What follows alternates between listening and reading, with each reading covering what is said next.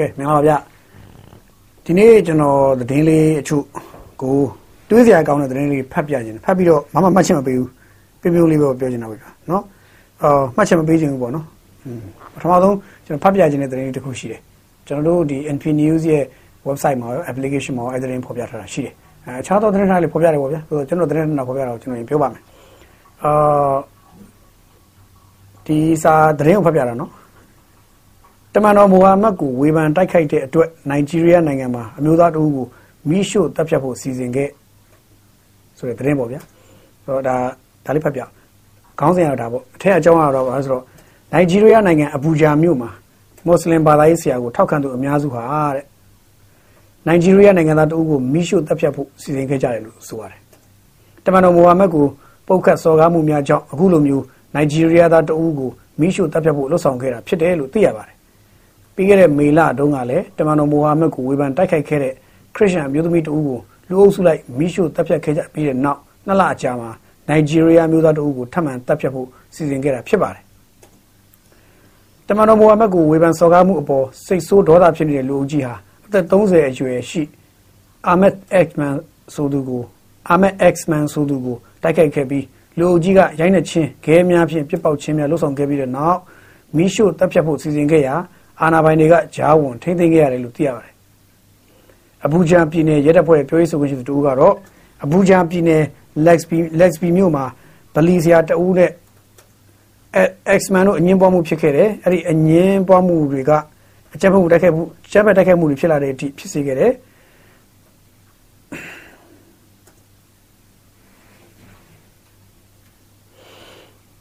ဗလီဆီယာရဲ့နောက်လိုက်ဖြစ်တဲ့လူပေါင်း200ခန့်ဟာ X-Men ကိုမိရှုတပ်ဖြတ်ဖို့ကြိုးပမ်းခဲ့တယ်လို့ပြောပါတယ်။နိုင်ဂျီးရီးယားနိုင်ငံမြောက်ပိုင်းမှာမွတ်စလင်အများစုနေထိုင်ပြီးတော့ဘာသာရေးကိုစော်ကားသူများကိုကို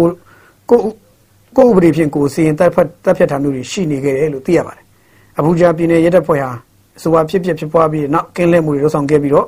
ကိုဥပဒေဖြင့်ကိုစီရင်နိုင်မျိုးမလှုပ်ဆောင်ဖို့မွတ်စလင်များကိုတတိပေးပြောဆိုထားတယ်လို့သိရပါတယ်။ပြီးခဲ့တဲ့သတင်းသုံးပတ်ခန့်ကလည်းနိုင်ဂျီးရီးယားနိုင်ငံအနောက်မြောက်ပိုင်း ဆိုကိုတိုမြို့မှာတမန်တော်မိုဟာမက်ကိုစော်ကားမှုနဲ့မွတ်စလင်များဟာရှီဟုရှာဂရီကျောင်းကောလိပ်ကျောင်းသူခရစ်ယာန်မျိုးသမီးတို့ကိုတပ်ဖြတ်ခဲ့တဲ့တပ်ဖြတ်ခဲ့ပြီးတော့ရုပ်လောင်းကိုမိရှုဖို့စီစဉ်ခဲ့တယ်လို့သိရပါတယ်။တရင်ခေါင်းစဉ်လေးပြန်ဖတ်ပြလိုက်ရင်တော့တမန်တော်မိုဟာမက်ကိုဝေဖန်တိုက်ခိုက်တဲ့အတွက်နိုင်ဂျီးရီးယားနိုင်ငံမှာအမျိုးသားတူမိရှုတပ်ဖြတ်ဖို့ခံရဖို့နည်းနည်းလေးနှီးဆက်သွားတယ်ဆိုတဲ့သဘောပါဗျာ။တန်ကောင်းလို့မိရှုမတတ်ခံရတော့ပေါ့။ ဒီသတင်းလေးဖတ်တဲ့အခါကျွန်တော်ပြုံးပြုံးမိပါတယ်ပြုံးစရာလည်းကောင်းပါတယ်ဟိုသူတို့ဟာကိုမှားတယ်မှန်တယ်မပြောပါဘူးဒါကိုမှားတယ်မှန်တယ်ကျွန်တော်ပြောပါဘူးကျွန်တော်ကအဲ့ဒါကိုဖတ်ကြည့်ပြီးတော့ဩကျွန်တော်တို့မြန်မာနိုင်ငံမှာရောဆိုပြီးတွေးကြည့်မိတာပေါ့နော်တွေးကြည့်မယ်ကိုကျွန်တော်တို့နိုင်ငံမှာရောပေါ့ကျွန်တော်နိုင်ငံမှာဆိုတော့ပြန်တွေးကြည့်တော့ရင်နာဖို့တော့ကောင်းတာပေါ့နော်ကျွန်တော်နိုင်ငံကဗုဒ္ဓဘာသာဝင်အများစုနေထိုင်ရာဗုဒ္ဓဘာသာဝင်အများဆုံးကိုးစုကိုးွယ်ရာပြီးတော့ဒီအရှိတောင်အာရှမှာတောင်မှပဲဒီဗုဒ္ဓဘာသာရဲ့ ပတ်သက်ပြီးတော့ဗုဒ္ဓဘာသာနဲ့ပတ်သက်ပြီးတကယ့်ကိုအားကောင်းခိုင်မာတဲ့တောင့်တင်းတဲ့ဒီဘာသာရေးဒီဘာသာရေးဆိုင်ရာအရာပေါ့နော်တောင့်တင်းတဲ့ဒီအင်အားဟိုအင်အားစုရှိတဲ့နိုင်ငံလို့တော့ပြောလို့ရတယ်တကယ့်ကိုဒီတရားဝါဒဗုဒ္ဓဘာသာကိုပို့ပြီးတော့တော်တော်လေးသက်ဝင်ယုံကြည်မှုနဲ့တကယ်တကယ်ကိုဘာဖြစ်ကြတယ်ပေါ့ဗုဒ္ဓတရားတော်နဲ့ညီနေထိုင်ကြတဲ့လူဒန်းစားတွေများစွာနေတဲ့နိုင်ငံပေါ့ဗျာဒီလိုသတ်မှတ်လို့ရတယ်ပေါ့ကျွန်တော်တို့အင်ဒိုနီးရှားတို့ဘာလို့ဆိုရင်အရင်တော့ဗုဒ္ဓဘာသာနောက်တော့နောက်တော့တည်တဲ့အတိုင်းပဲပေါ့နော်အဲ့လိုပဲဒီအာဖဂန်နစ္စတန်တို့ဆိုလည်း ကျွန်တော်အဲ့လိုပဲကြားဘူးပါတယ်ပေါ့ဗျာပါကစ္စတန်တို့အဲ့လိုကြားဘူးတော့သို့တော်လဲနောက်တော့လဲနောက်တော့ပေါ့ဗျာအဲ့တော့ပြည်သူ့ဝင်ဖြစ်စီပေါ့ဆိုတော့ကျွန်တော်ဗုဒ္ဓဘာသာဝင်ဗုဒ္ဓဘာသာနိုင်ငံကကြတော့ဗုဒ္ဓဘာသာကိုပြန်စော်ကားတာပေါ့နော်ဟိုဘက်နိုင်ငံတွေကပြောပါဘူးဗုဒ္ဓဘာသာဝင်ဒီကဗုဒ္ဓဘာသာကိုပြန်စော်ကားမော်ကပြောဆိုတာနောက်တစ်ခါဗုဒ္ဓဘာသာနဲ့ပတ်သက်ပြီးတော့ပြောတာတွေကိုကျွန်တော်အဲ့ဒါကြီးကြလို့ရှိရင်ကျွန်တော်တို့ဘာမှမပြောလိုက်ရပဲဘာမှကိုပြန်ပြောရင်တော့ပြော ပြောလို့မရတဲ့ပဲနဲ့ငြိမ်ခံလိုက်ရတာငြိမ်ခံလိုက်ရတာနှစ်ကိုမနေတော့ဘူးကြတော်တော်စဉ်းစားဖို့ကောင်းတယ်ပြန်တွေးကြည့်တော့ရင်နာဖို့တော့ကောင်းပါတယ်ဒါရင်နာဖို့ကောင်းတဲ့ခင်းချင်းလေးပါဟိုတချို့ဆိုရင်ရှိပါတယ်အယူဝါဒအရာဘယ်လိုတွေးရတော့မသိဘူးပဲတချို့ပြောကြတာရှိတယ်ကျွန်တော်ဒီလူမှုကွန်ရက်ခွင်ချို့မှာတခွင်ချို့မှာသူကဒီဒီတာမန်မဟုတ်နော်ဒီ fake account တွေမို့ account စစ်တွေနဲ့တချို့လို့ဆိုရင်ဘယ်လိုရေးကြလဲဆိုတော့စစ်ကောင်စီအုပ်ချုပ်နေသွေးဗုဒ္ဓကငါမကူးွယ်ဘူးလားအဲ့လိုရေးလို့ရှိတယ်ဖះငါကိုးကွယ်တယ်ဘုရားဖះကိုးကွယ်တယ်ကိုကိုကိုမကိုးကွယ်ဘူးပေါ့ စစ်ကောင်စီအုပ်ချုပ်နေသည့်ဒီဘုရားတားတော်လေးဖြစ်တဲ့ရဟန်းတန်ခါတွေကိုးကွယ်တဲ့အကြောင်းကိုမရှိဘူးပေါ့စဉ်းစားကျွန်တော်စဉ်းစားကြည့်တာပေါ့နော်စဉ်းစားလို့တော့မမရွာဘူးညံမမရွာဘူးဘာလို့တို့တော့ညံမြင့်တာဟုတ်ဗျတို့တော့ညံမြင့်တော့ကျွန်တော်ညံမမီတော့စဉ်းစားတတ်ဘူးပေါ့စစ်ကောင်စီအုပ်ချုပ်နေတဲ့၍ဗုဒ္ဓကိုမကူးွယ်ဘူးဆိုတော့ဒါဆိုရင်စစ်ကောင်စီကိုဗုဒ္ဓကဟေးမင်းတို့အဲ့လိုသိမ့်လိုက်ကွာလို့မြောက်များပေးခဲ့သလားမသိဘူးနော်ဗုဒ္ဓဖေကမြောက်များပေးခဲ့သလားမသိဘူးကျွန်တော်နားလေတာပေါ့နော်မြောက်ပေးခဲ့သလားမြောက်ပေးခဲ့လို့သူအဲ့လိုလုပ်တာလားစိတ်ဆိုးတော့လားမသိဘူး ဗုဒ္ဓနဲ့စစ်ကောင်စီနဲ့ကြတော့ဘလို့ဆက်သွယ်ရှိသွားလဲကျွန်တော်နားမလဲဘူးဘလို့ဘလို့ဘလို့ဘလို့နားလဲဘလို့လည်းမသိဘူးဗုဒ္ဓကစစ်ကောင်စီထက်ပို့ပြီးတော့ဟိုးရှေးပဝေးတဏီပေါ့ဗျာဟိုးတကယ်ဟိုဒီမဲ့ဒီဒီဒီဘိုးချုပ်ကြီးမင်းအောင်လို့အုပ်စုနဲ့တော်တော်လေးတော့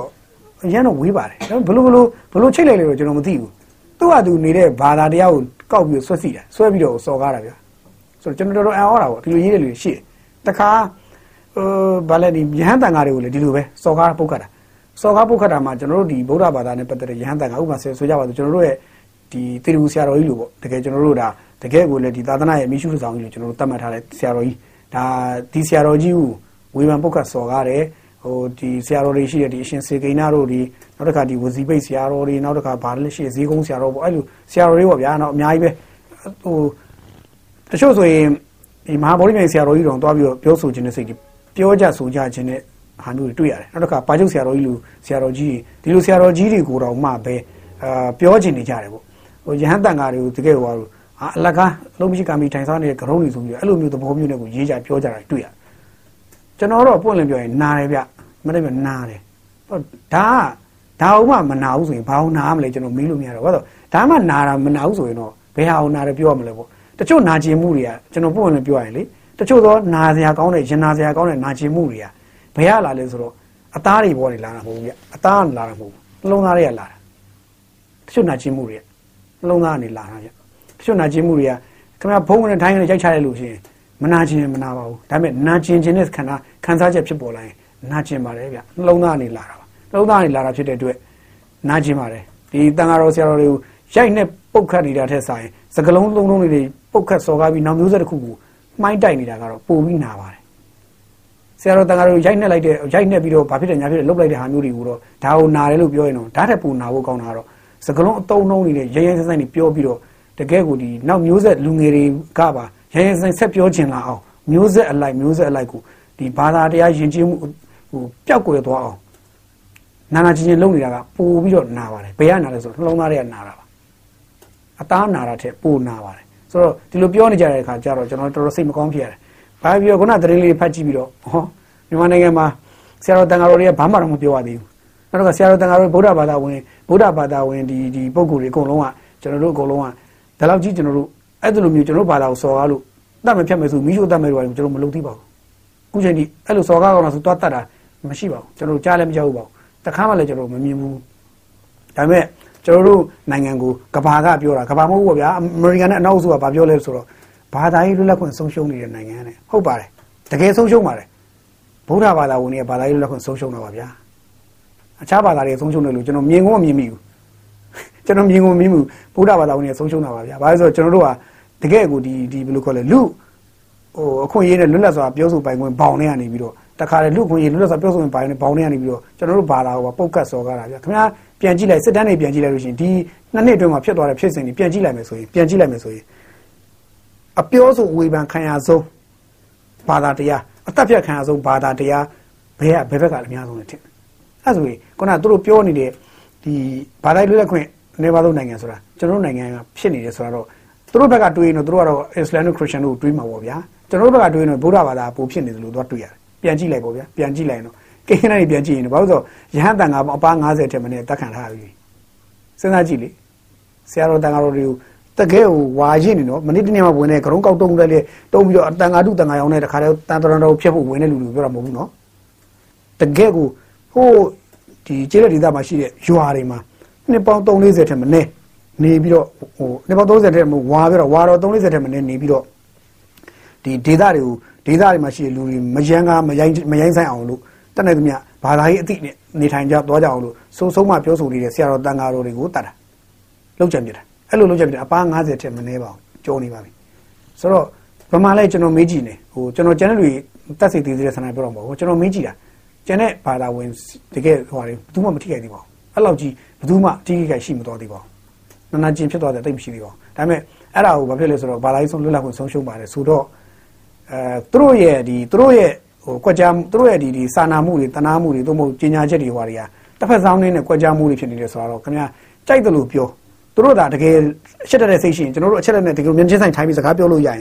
ခင်ဗျာလည်းပြောကျွန်တော်လည်းပြောမယ်လားပြောကြရအောင်ဘယ်ဟာဆုံးရှုံးလဲပြောကြရအောင်ဆိုပြီးကျွန်တော်မေးပါမယ်တခွန်ကြီးမေးကြည့်ခြင်းတယ်အဲ့လူတွေကျွန်တော်မေးကြည့်ခြင်းတယ်နော်ဟိုဟိုကျွန်တော်တို့သင်္ကရှင်တွေမှာပြောတယ်ဟိုဘာကြီးအဘာကြီးပြောသလိုဂျိုးပိုင်တန်ကိုကျွန်တော်မေးခြင်းတယ်ကျွန်တော်လည်းအဲ့လိုပဲအဲ့ဒီအဖွဲ့အစည်းအကုန်လုံးကျွန်တော်မေးကြည့်ခြင်းတယ်ထုတ်ပြန်တယ်လို့မေးကြည့်ခြင်းတယ်ခင်ဗျားတို့လက်ပြလုံရဖို့လိုတယ်ခင်ဗျားတို့ကဘယ်ရစာတွေပဲကြည့်ပြီးတော့ထုတ်ပြန်နေအောင်ဒီကကျွန်တော်တို့ဒီဘက်မှာတကယ်ဖြစ်နေတာတွေလည်းကြည့်ကြအောင်ဒါလည်းပြောချင်တာအဲ့တော့ ဒါတော်တော်တော့ဟိုရင်နာဖို့ကောင်းပါတယ်တော်တော်ရင်နာဖို့ကောင်းပါတယ်ကျွန်တော်ခုနကပဲရင်နာတယ်ဘယ်ရလဲနှလုံးသားရဲ့နာတာပါခန္ဓာကိုယ်ကမလာဘူးအုံနောက်ကလာတာမဟုတ်သေးဘူးနှလုံးသားပူလာတာအုံနောက်ကတွက်ချက်ပြတာပါနှလုံးသားတွေနာပါတယ်နော်အဲ့တော့ဒါကပိုင်းပြီးတော့ဒီသတင်းလေးဖိုင်နေကျွန်တော်ကြုံလို့ထည့်ပြောပြလိုက်တဲ့ကိစ္စပါနော်အော်နောက်တစ်ခုကတော့ဟို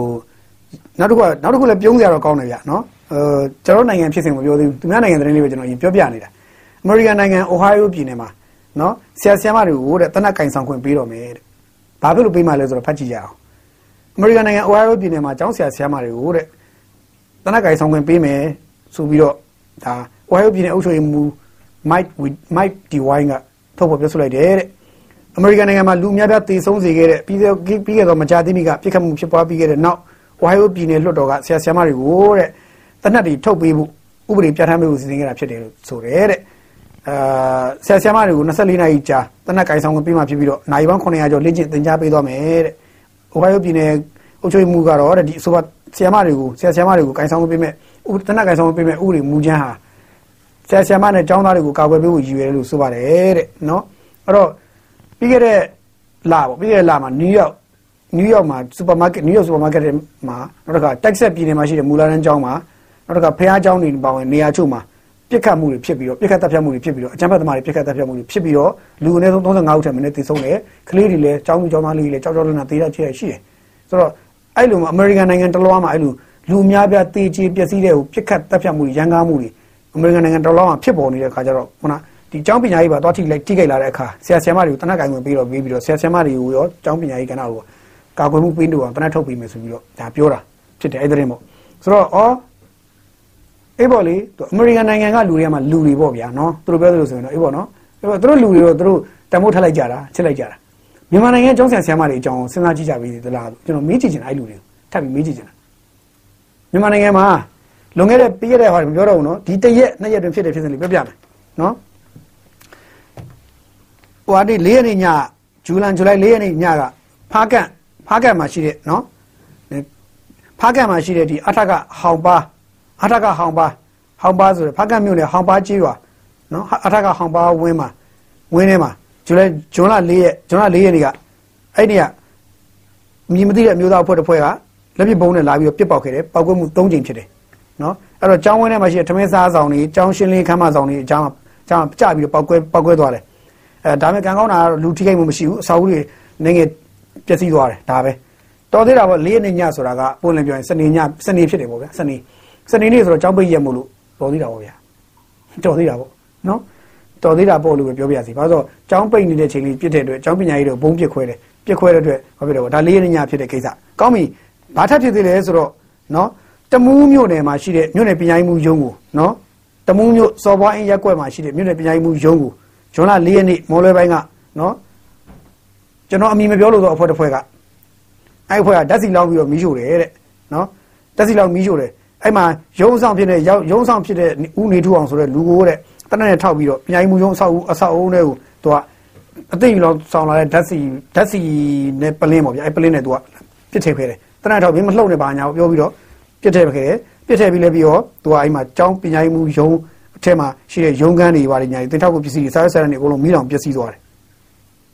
နော်အဲ့ဒါကအာတမူးမြို့စကိုင်းတိုင်းစာကြီးတမူးမြို့စော်ဘွားအင်းရက်ကွက်မှာဖြစ်သွားတာ၄ရက်နေ၄ရက်နေရပဲ နော်မနေ့ကပေါ့ဗျာမနေ့ကဖြစ်တာကဲဟုတ်ပြီအဲ့ဒါပြီးတော့ဘာကြံသေးလဲဆိုတော့ထပ်ပြောအောင်မယ်နော်ထပ်ပြောအောင်မယ်ကြံသေးတယ်အာကလေးမြို့ကလေးမြို့မှာလည်းဖြစ်သွားသေးတယ်နော်ကလေးမြို့မှာကလေးမြို့မှာ2ရက်နေဖြစ်တာကလေးမြို့မှာကသူက2ရက်နေကလေးမြို့အခြေခံပညာထက်တန်းကျောင်းနော်ကလေးမြို့ဒီအင်ဒိုင်းကုန်းရက်ွက်အမှတ်ကိုအခြေခံပညာထက်တန်းကျောင်းကိုနော်ကျွန်တော်အမည်မပြောလို့တော့အဖွဲ့ကနော်အကျော်ကျွန်တော်အမိမပြောရတော့အဖွဲ့ရအဲ့အဖွဲ့ကနေပြီးတော့ သူကလာပြီးတော့မီးပလင်းနေနဲ့ပြစ်ပေါက်သွားတယ်ကြောင်းဝင်းထဲကိုလိုင်းကနေမီးလောင်ပျက်စီးမှုဖြစ်တယ်တဲ့အဲ့ထက်မှာသူတို့စိုက်ကဲရောက်လာတယ်စိုက်ကဲတော့မောင်းလာပြီးမီးလောင်ပုံတော့ပြစ်သွားတယ်ကြောင်းဝင်းထဲကိုပြစ်သွားတယ်တဲ့ပြစ်ပြီးတော့စာအုပ်တွေပျက်စီးတယ်ဒါပေမဲ့ကံကောင်းတာကတော့အဲ့ဒီအချိန်တုန်းကတော့ကြောက်ခလေးတွေတော့ဘာမှမဖြစ်ဘူးအဲအကြောင်းဆယ်ဆယ်မတွေဘာမှမဖြစ်ဘူးမထိခိုက်တယ်မရှိဘူးနော်ဟိုကတော့ကြောင်းတွေတော့မီးလောင်သွားတယ်နော်အဲ့တော့အဲ့လိုလှုပ်ထားလို့ရှိအဲ့လိုလှုပ်ထားလို့ဒါတွေကိုတချို့တွေကပြောမယ်အာသူတို့လှုပ်ထားမဟုတ်ဘူးလှုပ်ထားမလို့မျိုးမျိုးပြောမယ်ကျွန်တော်အဲ့တော့ကျင်ညာချက်လေးဖတ်ပြအောင်မယ်နောက်ထပ်ကျင်ညာချက်ကလေးနော်ဘာလဲဆိုတော့ ဗန်းမောင်မြို့နယ်အတွင်းဗန်းမောင်သခိုင်းတိုင်းပေါ့ဗျာဗန်းမောင်မြို့နယ်အတွင်းအာနာသိစစ်ကောင်စီမှဖွင့်လှစ်ထားသောအခြေခံပညာကျောင်းများကိုတဲ့ဗန်းမောင်မြို့နယ်ပြည်သူ့ကာကွယ်ရေးအဖွဲ့ပခဖကလက်ခံမှာမဟုတ်ထို့ကြောင့်ဗန်းမောင်မြို့နယ်အခြေခံပညာကျောင်းများမှနမ်စီရီယံပညာရေးဝန်ထမ်းများကျောင်းမဖွင့်လင့်ရန်ဗန်းမောင်မြို့ပြည်သူ့ကာကွယ်တပ်ဖွဲ့မှအသိပေးကြေညာအပ်ပါသည်တဲ့ကျောင်းဖွင့်တာလက်မခံဘူးတဲ့ကျောင်းဖွင့်နေရှင်တော့ကျောင်းမဖွင့်ဖို့ပြောထားမယ်ကျောင်းဖွင့်တာဖွင့်ရင်တော့မသိဘူးပေါ့ဗျာဖွင့်လို့တခုဖြစ်ရင်ပေါ့ဒါဘန်းမောင်မှာကြေညာတာ ကောင်းပြီဘန်းမောင်မှာပဲလားဆိုတော့ထပ်ပြောအောင်မယ်ထပ်ပြီးတော့နေရာလေးနောက်တစ်ခုရှိသေးတယ်ဗျကျွန်တော်တို့တချို့ကလေးကြပြောပြအောင်မယ်အာချင်း CDF ပေါ့ချင်း CDF မင်းတပ်ပေါ့ချင်း CDF မင်းတပ်ကလည်းဂျွန်လ3ရက်နေထုတ်ခဲ့တာတခုရှိတယ်ဘာလဲဆိုတော့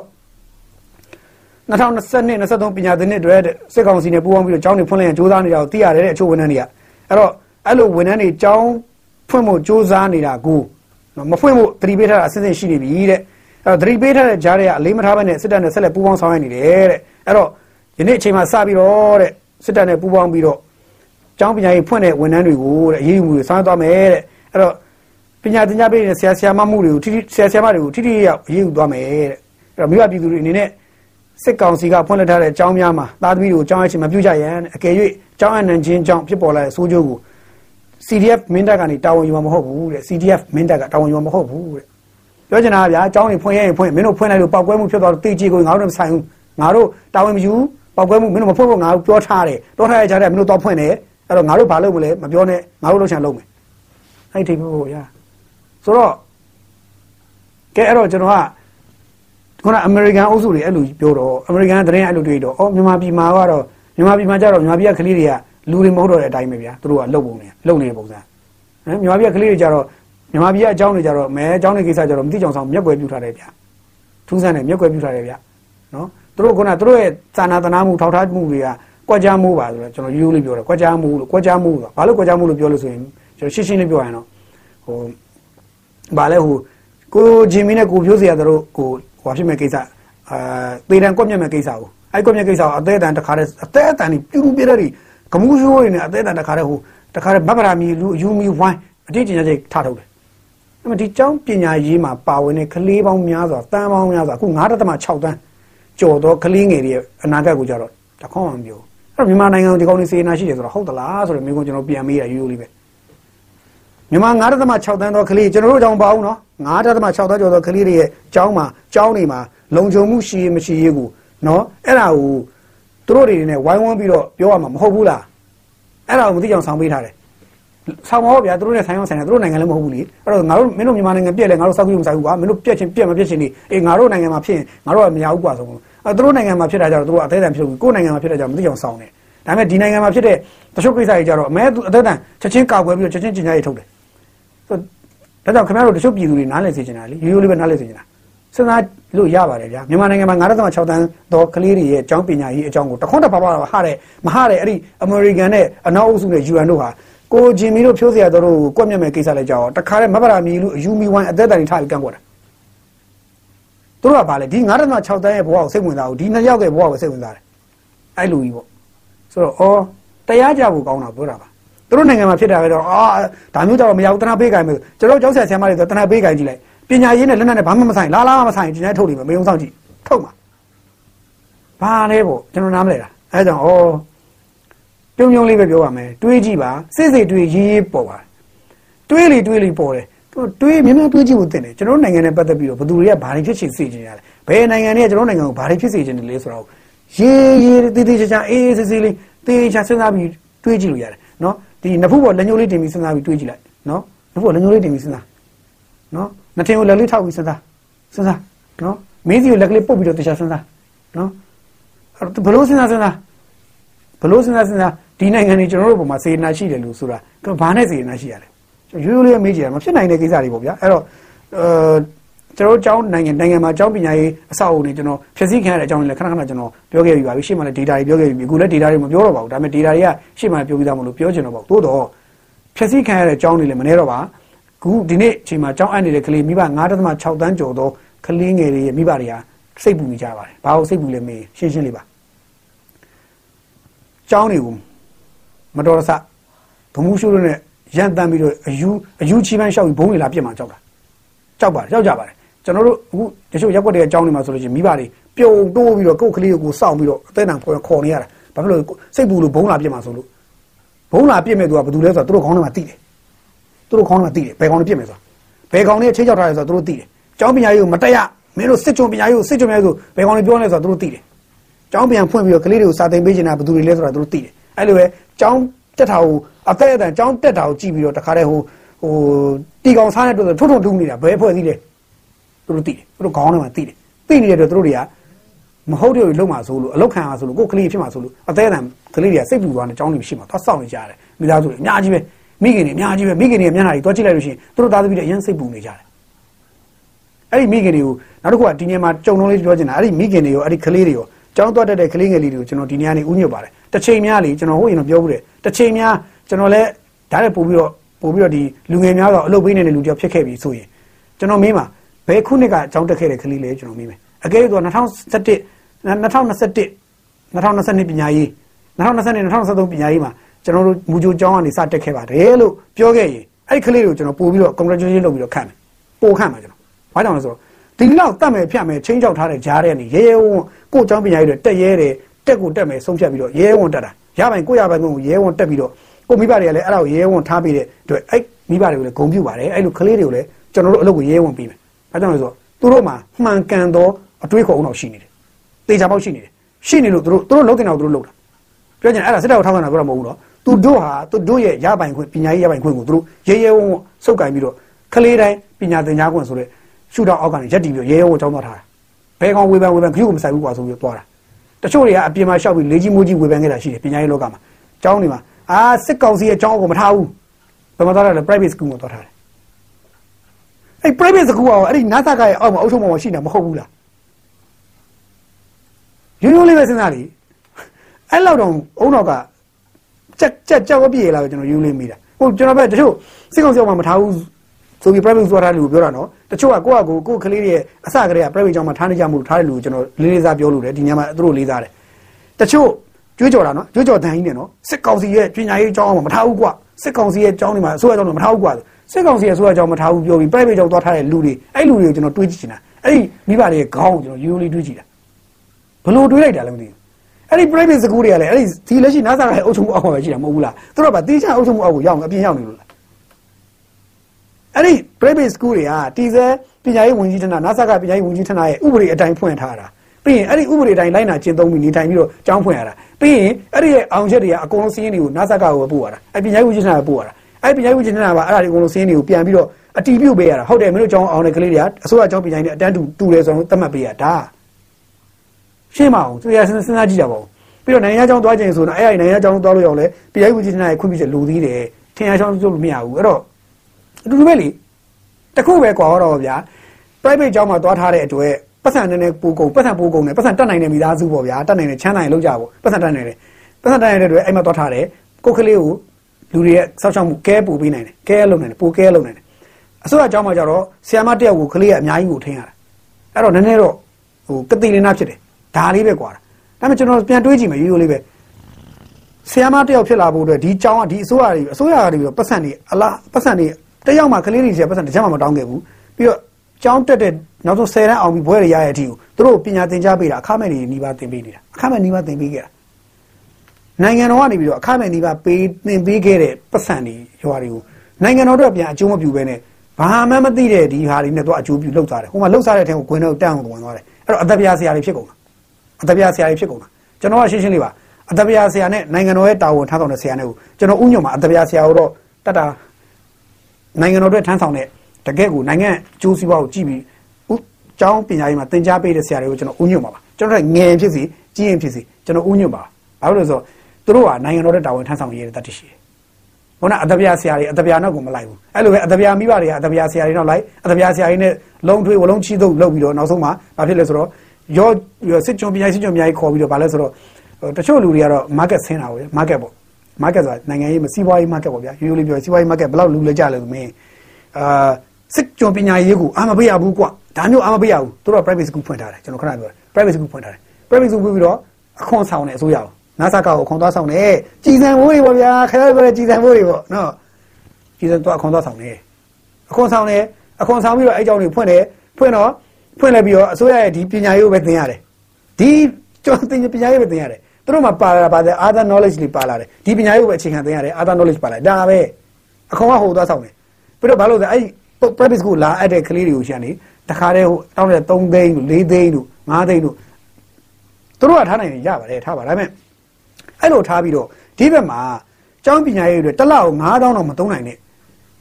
ကျေးလက်ပေါင်းမြောင်များစွာကျေးရွာပေါင်း6000ကျော်ကကလေးတွေရဲ့ဘဝကိုမျက်နှာကိုကြည့်ပြီးအောင်စာနာစိတ်ရှိအောင်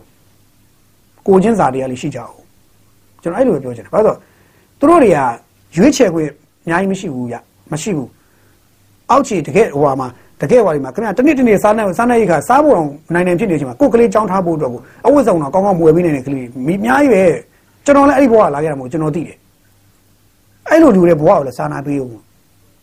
အဲ့လိုလူတွေကသူ့အတူကျောင်းပညာရေးရပိုင်ကိုသွားထားတာကိုမင်းတို့ကစစ်ကြုံပညာရေးကိုအားပေးတာလားဆိုတော့ဟာကိုကြတော့စစ်ကြုံကိုအခွန်ဆောင်နေတဲ့ပုဂ္ဂလိကအကြောင်းတွေကိုသွားတက်ခိုင်းပြီးတော့အဲ့လိုစောက်ကြီးစောက်ကြီးပြောတော့ကျွန်တော်ရှင်းရှင်းလေးပြောရင်ဗျာဟာအဲ့လိုလူတွေကြည့်ပြီးတော့လက်ဖျားခါတယ်ခြေပြားလည်းခါတယ်ရှိသမျှအရာခါတယ်ဗျာကဲကျွန်တော်အဟောပါတယ်ဒီလိုလူတွေအများကြီးကျွန်တော်ခုနနှစ်ခါခွဲပြောပြီးပြီနော် private school မှာအစကတည်းကငွေကြေးတက်တဲ့လူအစကတည်းကဟိုရင်ကလေးက private school မှာပဲထားပြီးတော့စောက်ကြီးစောက်ကြီးမပြောတဲ့လူတွေကိုကျွန်တော်ဒီနေရာမှာဘာမှမပြောဘူးသူတို့နဲ့ဘာမှမဆိုင်ဘူး ပြောပြချင်တာအစစ်ချိုပညာရေးကိုစစ်အုပ်စုရဲ့ကျောင်းပညာရေးမှာတော့မထားဘူးကွာပြော private school သွားပို့တယ်ဒါပဲတကယ်ဗျအဲ့လူတွေမှာတကယ်ကိုလေနှစ်ခါချခံရတာအယူတွေရဲ့လူတွေကိုချလို့ချနေမှမသိဘူးကိုချနေချနေမှဘာလို့ဟိုကသူတို့ဂျင်းထဲပြီးချထားရတာချထားရတာပတ်စံ3သိန်း4သိန်းကုန်တာတနစ်တနစ်ကိုကုန်ပြီးမှသွားပြီးတော့ပြီးတော့အဲ့လူတွေကအမှအဲ့သူတို့ခလေးတင်ပေးတဲ့ကလေးတွေရတဲ့ပတ်စံတွေနဲ့မှအစိုးရကိုသွားပြီးတော့အာဗိုလ်ချုပ်ကြီးများကြည်စံဖို့လေးကျွန်တော်တို့လာပေးတာ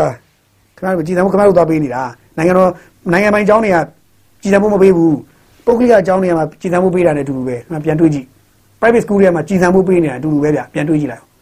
private school တွေခင်ဗျားတို့အခမဲ့သင်ပေးတယ်လို့ထင်လို့လားမသင်ပေးဘူးလေပတ်စံကောက်တယ်ခင်ဗျားတို့ချက်ပတ်စံအဲ့ဒါစစ်တပ်စီကိုသွားတာ private school တွေရဲ့ပတ်စံတွေကစစ်တပ်စီကိုသွားတာစစ်တပ်ကဖွင့်ကြည်စံဖို့ရပါတယ်ခင်ဗျားတို့ပြောကြည်စံဖို့ရကုန်တာမှတ်ပါလား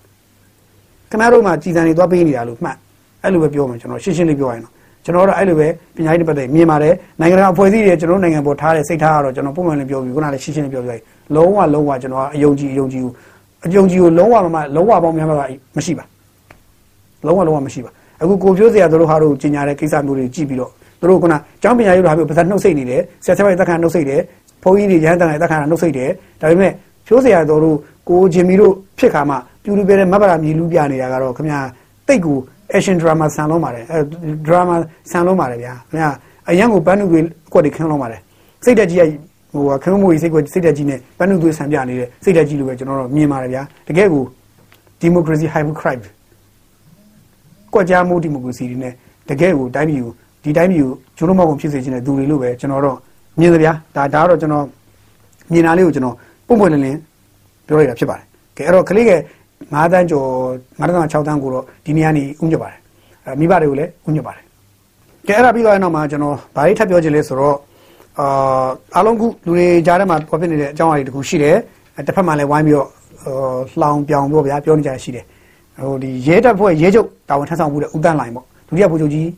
တန်းလိုင်ပေါ့အဲသူအနာပိတ်ခံရတဲ့ကိစ္စအနာပိတ်ခံရတဲ့ကိစ္စဆိုရင်ဒါလောလောလူတွေကြားထဲမှာအခုဆိုရင်ဟိုဘက်အုပ်စုဒီဘက်အုပ်စုကြားထဲမှာပေါ့ဟိုဘက်အုပ်စုမှာတော့ဒါအုံးထားပြီးအောင်ပွဲခံနေကြတယ်ပေါ့ဗျာဘယ်လိုစကောလဲဆိုတော့စကိုင်းတိုင်းကိုနေနေလမ်းကြောင်းပို့လိုက်တာအိုးထုံထုံပြန်မပါလာဘူးပြေးပြေးလာရတယ်ခုအဲ့လိုပေါ့ အဲ့ဒါကြောင့်ဘလို့အဲ့ operation မအောင်မြင်လို့ယာရုကိုအနာပေးလိုက်တာမှတ်ပလားပါညာဆိုပြီးတော့ပြောတယ်ပေါ့ဗျာအဲကျွန်တော်အဲ့လိုသိထားတယ်ဆိုရင်တော့အဲ့တိုင်းသိပေါ့ဒါကတော့လေလူဆိုတာကိုသိတဲ့နေရာကိုစတွေးတာကိုနိုင်တဲ့နေရာကိုစတွေးတာကိုမှန်းတာကိုစမ်းမိတာကိုပြောတာဟုတ်ဗျဟိုခုနပြောသလိုဟိုကျွန်တော်တို့ဟိုဟာပုံနာပုံနာကြီးပုံနာကြီး9ရောက်လား6ရောက်လားပုံနာကြီး9ရောက်လား6ရောက်လားမသိနေတော့ခွေးတစ်ကောင်နဲ့ဆင်ဆန်းသလိုပေါ့ဗျာခွေးကြတော့အဲ့ဆင်ဆင်ဆန်းတာမဟုတ်ဘူးဗျအဲ့ဆင်ရဲ့အောက်ကနေတွားပြီးမော့နေတာဟိုပုံနာကြီးကကြတော့ရွှေရတွေ့ရကောက်ဆန်းတာပေါ့ဗျာဟိုလျှောက်ဆန်းဒီဆောက်ဆန်းဆန်းတာပေါ့ အဲ့တော့ကိုစမ်းမိရကိုပြောတာခွေးကြတော့ကိုမော့မိရကိုမြင်တာကိုပြောတာပေါ့ကိုမျောရကိုမျောပြီးတော့ပြောချင်တာပြောကိုတွေးချင်တာတွေးတာဟုတ်ဗျအဲ့တော့အာအဲ့တော့ဘယ်လိုပဲဖြစ်ဖြစ်ဥဒန်းလိုင်ကိစ္စလေးကိုကျွန်တော်ကြုံလို့လीဒီနေရာမှာထည့်ပြောအောင်မယ်ဥဒန်းလိုင်အနာပိတ်ခံရတဲ့အကြောင်းအရာတွေကတစ်ချက်ကလေးကျွန်တော်ပြောပြလိုက်မယ်ကျန်တာကတော့ပပလေးပဲပေါ့ဒီလောက်ပဲပြောတာကောင်းတယ်အများကြီးပြောလို့မကောင်းဘူးဆိုတော့ဥဒန်းလိုင်နာပိတ်ခံရတဲ့ဖြစ်စဉ်ရှိတယ်ဒါပါလဲဆိုတော့စီးပွားရေးသမားတွေရဲ့ပူတက်မှုတွေလည်းပါတယ်စီးပွားရေးသမားတွေရဲ့ပူတက်ပေါ့ပူတက်တဲ့ဇလန်းတွေပေါ့ဗျာ ဆိုတော့ဥဒန်းလိုင်ကဒါ DSC 29ဆိုတာအားလုံးသိတယ်ဟိုကျွန်တော်အများကြီးထပ်မိတ်ဆက်စရာမလိုဘူးသူဒီဒီ NASA ကတာဝန်ရဖြစ်တဲ့အချိန်မှာသူ့ကိုစကိုင်းတိုင်းနေနေရေးကိစ္စတွေသူတာဝန်ပေးတယ်သူတိုင်းနေနေသွားရှင်းတယ်တော်တော်လေးသူလုပ်တယ်လုပ်တယ်ပြီးတော့သူလုပ်ငန်းစဉ်အကုန်လုံး process ကိုလုံးသူကြာကြာနာ plan တွေဆွဲပြီးတော့ကင်ခဲ့ပြီးသွားပြီအဲဒီနောက်သူကရဲချုပ်တာဝန်ယူထားတော့ရန်ကုန်လည်းသူ operation တွေကိစ္စတွေလာရတယ်ရဲချုပ်တာဝန်ယူထားတဲ့အချိန်မှာသူ operation အတွက်သွားရတယ်နေရာတွေအများကြီးပဲသူရဲချုပ်တာဝန်ဖြစ်တဲ့အတွက်ရဲချုပ်တယောက်ကတာဝန်အလိုက်သူ operation တွေသွားရရှိသွားရင် operation သွားရင်သွားရင်နဲ့တနေရာအရောက်ပေါ့နော်ဒန်ဒန် ရန်ကုန်မြို့ရန်ကုန်မြို့အရောက်ရောက်လဲရောက်ကော तू က fighter fighter ဆိုတော့ तू တကယ်ကိုတိုက်ခိုက်ရေးသမားအစ်စ် तू စစ်သားတိုက်ခိုက်ရေးသမားစစ်အစ်စ်ဒါပြဿနာ तू သူ့ကိုကျွန်တော်တို့ကြားတဲ့ information က तू တိုက်ခိုက်ရေးသမားကြီးက तू ကသူကငကိုတွေကဒီလူဒီစီဝိုင်းသမားတွေလှက်ကွက်ဒီဘိုင်းညာ तू မသိဘူး तू စိတ်ဝင်လာအဲ့ဒါလေစီဝိုင်းသမားတွေကသူ့ကိုလာပြီးတော့အာပုံလူကြီးအဘပုံလူကြီးဘာဘလာဘလာဘလာဘလာဆိုအဲ့လိုလို့ရင် तू ကဩ तू ကဒါကောင်းကောင်းကောင်းကောင်းပြီကောင်းရဲ့ပေါ့ဗျာကောင်းမယ်လို့ထင်လို့ပေါ့ကောင်းပြီကောင်းရဲ့လုပ်လိုက်တာပေါ့ဒါမှမဟုတ် လေ तू ကဒီတောက်တဲ့ကိစ္စကြီးပါလာတာအဲ့မှာစီဝိုင်းသမားတွေနဲ့အတူထိုင်တောက်တဲ့ကိစ္စကြီးဇာလန်နေပါလာတယ်ပါလာရင်လည်းနောက်ဆက်တွဲပြဿနာလေးရှိလာတယ်အာတချို့သောဒီတချို့ကိစ္စတွေတချို့သောဒီဘယ်လိုခေါ်လဲ NASA ကရဲ့အရှက်တကွဲဖြစ်သွားတဲ့လုပ်ရမျိုးတချို့ဆိုလို့ရှိရင်စီးပွားရေးသမားတွေစီကတဆင့်ပတ်စုပြီးစီးဆင်းသွားတာတွေဖြစ်နေတယ်ဆိုတော့အဲ့ဒါတွေကဦးတန်းလိုင်ကရွေသူကတော့ရွေချက်မရှိဘူးသို့တော့သူ့စီရင်တဆင့်ပောက်ပေါက်သွားတဲ့ဟာမျိုးတွေပေါ့ဒါတခုနောက်တစ်ခုကစီးပွားရေးသမားတွေရဲ့သူ့ကိုလာပြီးဂျင်းထဲတဲ့ကိစ္စတွေပေါ့စီးပွားရေးအရာအကျိုးမြတ်ရလို့မှုဂျင်းထဲတဲ့ကိစ္စတွေတချို့ဟာတွေပါသွားတယ်လို့သိရတယ်အဲဒါကြောင့်မလို့ သူကသူ့တော့မရဘူးအနာပေးမှရတော့မပေးရင်တော့ချင်းမကောင်းတော့ဘူးဆိုတဲ့သဘောမျိုးနဲ့အနာပေးလိုက်ရတယ်လို့ကျွန်တော်ကြားရတယ်အခြားအကြောင်းတွေလည်းရှိပါတယ်သို့တော့ကျွန်တော်ဒါလေးပဲပြောတာကောင်းတယ်ဒါတဲ့ပြောရင်လည်းမကောင်းဘူးကြမကောင်းတာဒါအရင်ကြီးစိတ်ဝင်စားဖို့ကောင်းတဲ့ issue တွေနောက်မှာရှိနေသေးတယ်သေချာတော့စီးပွားရေးသမားတွေပြောကမကင်းဘူးလို့အရင်ဆုံးပြောပြစီဗျာနော်အဲ့လောက်လေးပဲဥဒန်းနိုင်ကိစ္စပြောပြစီယာရုနာပေးခံရဆိုခင်ဗျားတို့ပြောတဲ့စကိုင်းမှာဟိုဟာဖြစ်လို့ဒီဟာဖြစ်လို့တော့မလုပ်နဲ့စကိုင်းမှာ तू ဆင်းထားတဲ့ operation तू ဆင်းထားတဲ့အကွက်တွေကိုအကုန်လုံးတစ်ခွက်ချင်းတစ်ခွက်ချင်းဝင်ကုန်လို့ဟို တနေချင်းတနေချင်းကိုသူကဟိုပြန်ပြီးတော့ဟိုမှာစစ်တပ်ကပြန်စီးဖို့မိနေတာတော့ခင်ဗျားတို့မသိသေးဘူးမသိကြသေးဘူးလို့ကျွန်တော်ထင်တယ်။စကိုင်းကိုတချို့ကပြောတယ်မင်းသတင်းသွားယူပါလားယူစရာမလိုစကိုင်းမှာအခြေအနေရစကိုင်းအခြေအနေတွေကခြေလေရရပြီးသွားပြီ။အချက်လက်တွေကျွန်တော်တို့တို့များရထားပါတယ်။အဲဒါပေမဲ့တချို့ဟာတွေကဟိုရတဲ့အချက်လက်တွေကကျွန်တော်တို့လည်းပြောလို့မသိနိုင်သေးတဲ့ကိစ္စတွေနောက်တစ်ခုက confirm လုပ်လို့ခက်သေးတဲ့အတွက်ကျွန်တော်မပြောသေးတာ။သိကြတာတော့ဟိုတချို့ကိစ္စတွေကထူးခြားထူးခြားတယ်ထူးဆန်းနေတယ်။မြေပြင်မှာထူးဆန်းနေတယ်။ ထူးဆန်းနေတာအများကြီးရှိတယ်။ဆိုတော့သိကြတာတော့ခုနထက်ကပြောရင်စစ်သားတယောက်တည်ရင်သို့မဟုတ်ရဲတယောက်တည်ရင်တစ်ဖက်မှာတည်တာအဲ့ဒါထက်ဆယ်ဆလောက်ရှိတယ်ဆိုတော့နည်းနည်းလေး hints လေးပေးပြစီမဟုတ်ရင်ဒီလောက်မှမပေးရင်လေကျွန်တော်တို့တည်တာမြန်မာနိုင်ငံသားတွေဖြစ်လို့စိတ်မကောင်းစိတ်မကောင်းဖြစ်ရတယ်မြန်မာနိုင်ငံသားတွေတည်တာဖြစ်တဲ့အတွက်ဘလို့မှစိတ်ကောင်းစရာအကြောင်းမရှိဘူးစိတ်ဘလို့မှစိတ်ထဲမှာဒါတွေကအစဉ်ပြေကိုမပြေနေပါဘူးမြန်မာနိုင်ငံသားတယောက်တည်လေကိုယ်နိုင်ငံသားတယောက်တည်တာဖြစ်တဲ့အတွက်စိတ်ထဲမှာ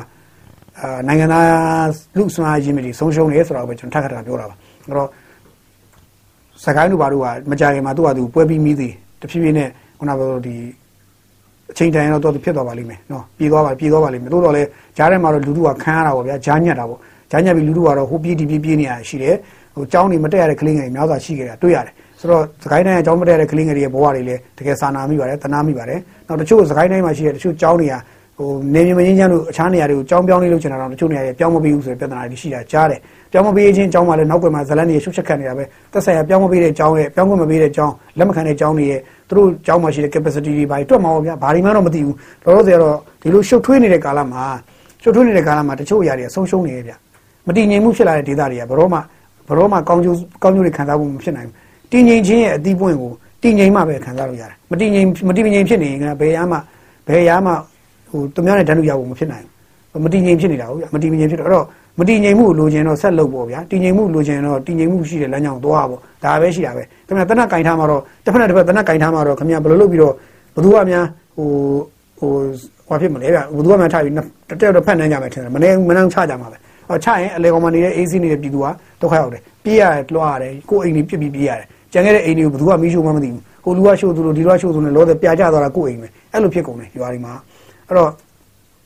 ကျွန်တော်အဲ့အတွက်လည်းဒီစကိုင်းနယ်ဒေသကြီးမှာရှိတဲ့ပြည်သူတွေအတွက်လည်းစိတ်မကောင်းဖြစ်ရပါတယ်နောက်တစ်ခုကအကြမ်းဖက်တိုက်ခိုက်တပ်ဖြတ်မှုတွေကိုမလိုလားသောအေဂျင့်စွာနေထိုင်လို့သောပြည်သူတွေရဲ့ဘဝတွေကိုပို့ပြီးစာနာပါတယ်နောက်တစ်ခါအဲ့ကလေးငယ်တွေရဲ့ဘဝတွေကိုပို့ပြီးစာနာပါတယ်စိတ်မကောင်းဖြစ်ရပါတယ်အဲ့တော့နာဇကအနေနဲ့လည်းဒါတွေကိုသေချာပြင်ဆင်သင့်တယ်လို့မြင်ပါတယ်ပြီးတော့ဒီနေရာကိုဘယ်လိုပြန်ကုစားမလဲဒီဒေသကြီးတစ်ခုလုံးရဲ့ဆုံးရှုံးနစ်နာထိခိုက်သွားတဲ့အရာတွေဘယ်လိုပြန်ကူစားမလဲဆိုတော့နတ်ဆက်ကလည်းစဉ်းစားတင်တယ်လို့ကျွန်တော်မြင်ပါတယ်နော်ကြိုပြင်ချင်းထားတင်တယ်ပေါ့ဗျာပြောချင်တာတော့သူပြောပြစီ နော်အဲ့တော့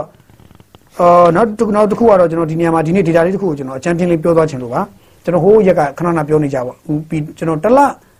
တလကုန်နေတလကုန်နေမှာလတလရဲ့တရက်နေ့သို့မဟုတ်နှစ်ရက်နေ့လောက်မှာပေါ့နော်အဲတရက်နေ့သုံးရက်နေ့လောက်မှာကျွန်တော်ပြောမယ်လို့ပြင်ထားခဲ့တာမနေ့ကလည်းမပြောပြဘူးတနေ့ကလည်းမပြောပြဘူးဟိုတနေ့ကလည်းမပြောပြဘူးဒီနေ့တော့တမင်ထည့်ပြောသွားဒီနေ့တော့ဒါ9ရက်နေ့မို့ထည့်ပြောရတယ်ကြော်နေမှာဆိုရက်တွေရနော်တနိုင်ငံလုံးပါဗျာအခုကျွန်တော်တို့ရရှိထားတဲ့စီးရင်လေးပေါ့စီးရင်လေးပေါ့ကျွန်တော်တို့ဒီတောက်ချောက် data ကောက်တဲ့စီးရင်တွေပါလုတ်ထားတဲ့အခါမှာ သူကဒီတနိုင်ငံလုံးမှာစစ်တပ်အဲဒီတက်မတော်ကပေါ့ဗျာဒီ February နေ့အာဏာရယူမှုဖြစ်ပြီးတဲ့နောက်မှာစပြီးတော့ February 1ရက်2021 February 1ရက်ကနေမေလ2022မေလ31ရက်အထိစုစုပေါင်း485ရက်အဲ့ဒီအတွင်းမှာမြန်မာနိုင်ငံသားကိုယ်လုံးဆုံးမသွားရသူတွေပေါင်း4060ဦးရှိသွားပြီ31ရက်အထိပေါ့နော်ဒီတက်လည်းဒီဘက်ရက်ဒီဆိုရင်ပုံများသွားပြီ4060ဦးရှိသွားပြီအဲ့ဒီအထဲမှာကျွန်တော် data လေးတစ်ခုကိုစိတ်ဝင်စားဖို့ပြောပြမယ်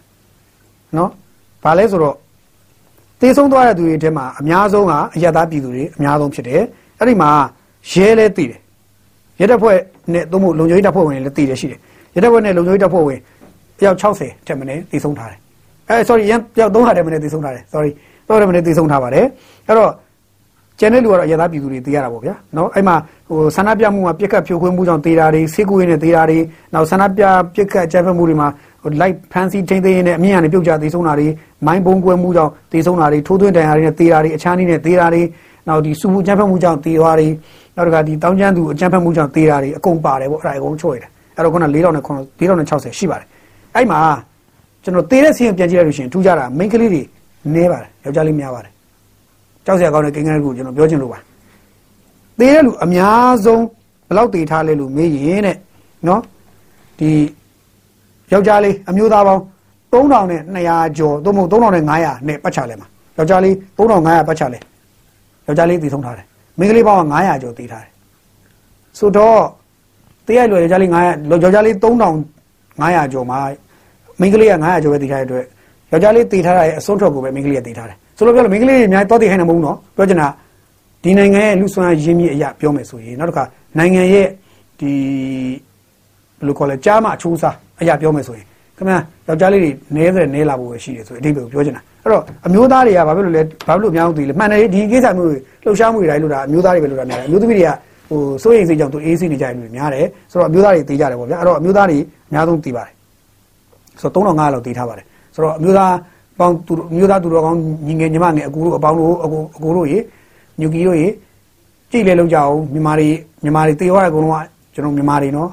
မြန်မာတွေဗုဒ္ဓဘာသာမြန်မာတွေအများဆုံးပဲနော်အဲ့တော့ညူကီတို့ရေကြည့်လေလောက်ကြအောင်နော်အမျိုးသမီးတွေအကုန်လုံးအမျိုးသမီးတွေအများကြီးပဲအများကြီးပဲနော်ဟိုမသိဘဲနဲ့အများကြီးကြံနေတာနော်လစ်လက်နေတာအများကြီးပဲအဲ့တော့ကြည့်လေလောက်ကြအောင်လို့ဒီကိန်းကနန်းက short တော့လို့မရဘူးလို့ပြောပြစီနော်နောက်အမှလည်းဖန်စီခံထားရတဲ့ဥယျာ2300နဲ့2300ကျော်ရှိတယ်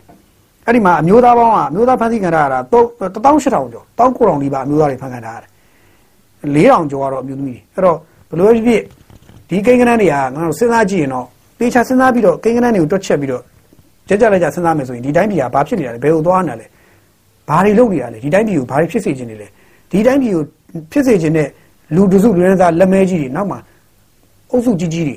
ကကစားနေတာလားဆိုတာကိုလိုက်စဉ်းစားကြည့်သင့်ပါတယ်ပြီးတော့ဒီတိုင်းပြည်ရဲ့နိုင်ငံရေးခင်းချင်းမတီးမငြိမ်မှုတွေပိုဖြစ်လေလေဘယ်သူတွေကပိုအကျိုးမြတ်ရလေလေဆိုတော့ပြန်စဉ်းစားကြည့်သင့်ပါတယ်ပြီးတော့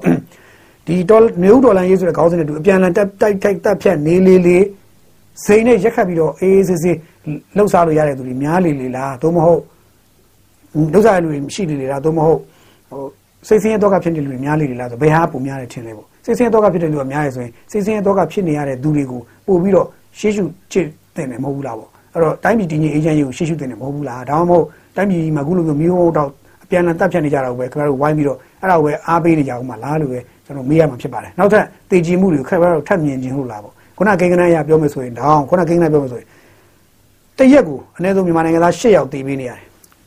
၈ယောက်တည်ပေးနေရတယ်ဒါရဲတပ်ဖွဲ့ရဲတပ်ဖွဲ့ဝင်တွေစစ်တပ်တွေ PDF တွေတိုင်းသား EU တွေတိုက်ကြတဲ့ခိုက်ကြတဲ့တိုက်ပွဲမြေပြင်တိုက်ပွဲတွေမှာတည်တဲ့လူမပါသေးဘူးတရက်ကို၈ယောက်တည်ပေးရတယ်အဲ့ဒီလူတွေသာပါရင်ကျွန်တော်ပြောချင်တာတရက်ကို24ယောက်ထဲမှာကတည်တယ်အဲ့တော့ပြောချင်တာအဲ့ဒါခဏပြောတရက်တနင်္လာနေ့တိုင်းမှာလူတယောက်ထက်မနေမြန်မာနိုင်ငံတနေရာမှာတည်ပေးနေရတယ်လို့အကြောင်းမဲ့အကျိုးမဲ့ကိုတည်ပေးနေရတယ်ဘသူအတွက်မှကိုမသိတည်ပေးနေရတယ် ဘာအတွက်မှကိုမသိတည်ပေးနေရတယ်အဲ့တေးပေးတဲ့လူတွေအကုန်လုံးကမြေကြီးတွေမှာမြေဩဇာရဖြစ်ဖြစ်သွားတာကောင်းစားမဲ့လူကတသက်ရှိတယ်အဲ့တော့တေးပေးနေရတယ်တန်ရဲ့လားလို့ပဲပြန်မေးရင်းနေကဲကြညဖို့တော့ခေါနိုင်ပါဗျာနော်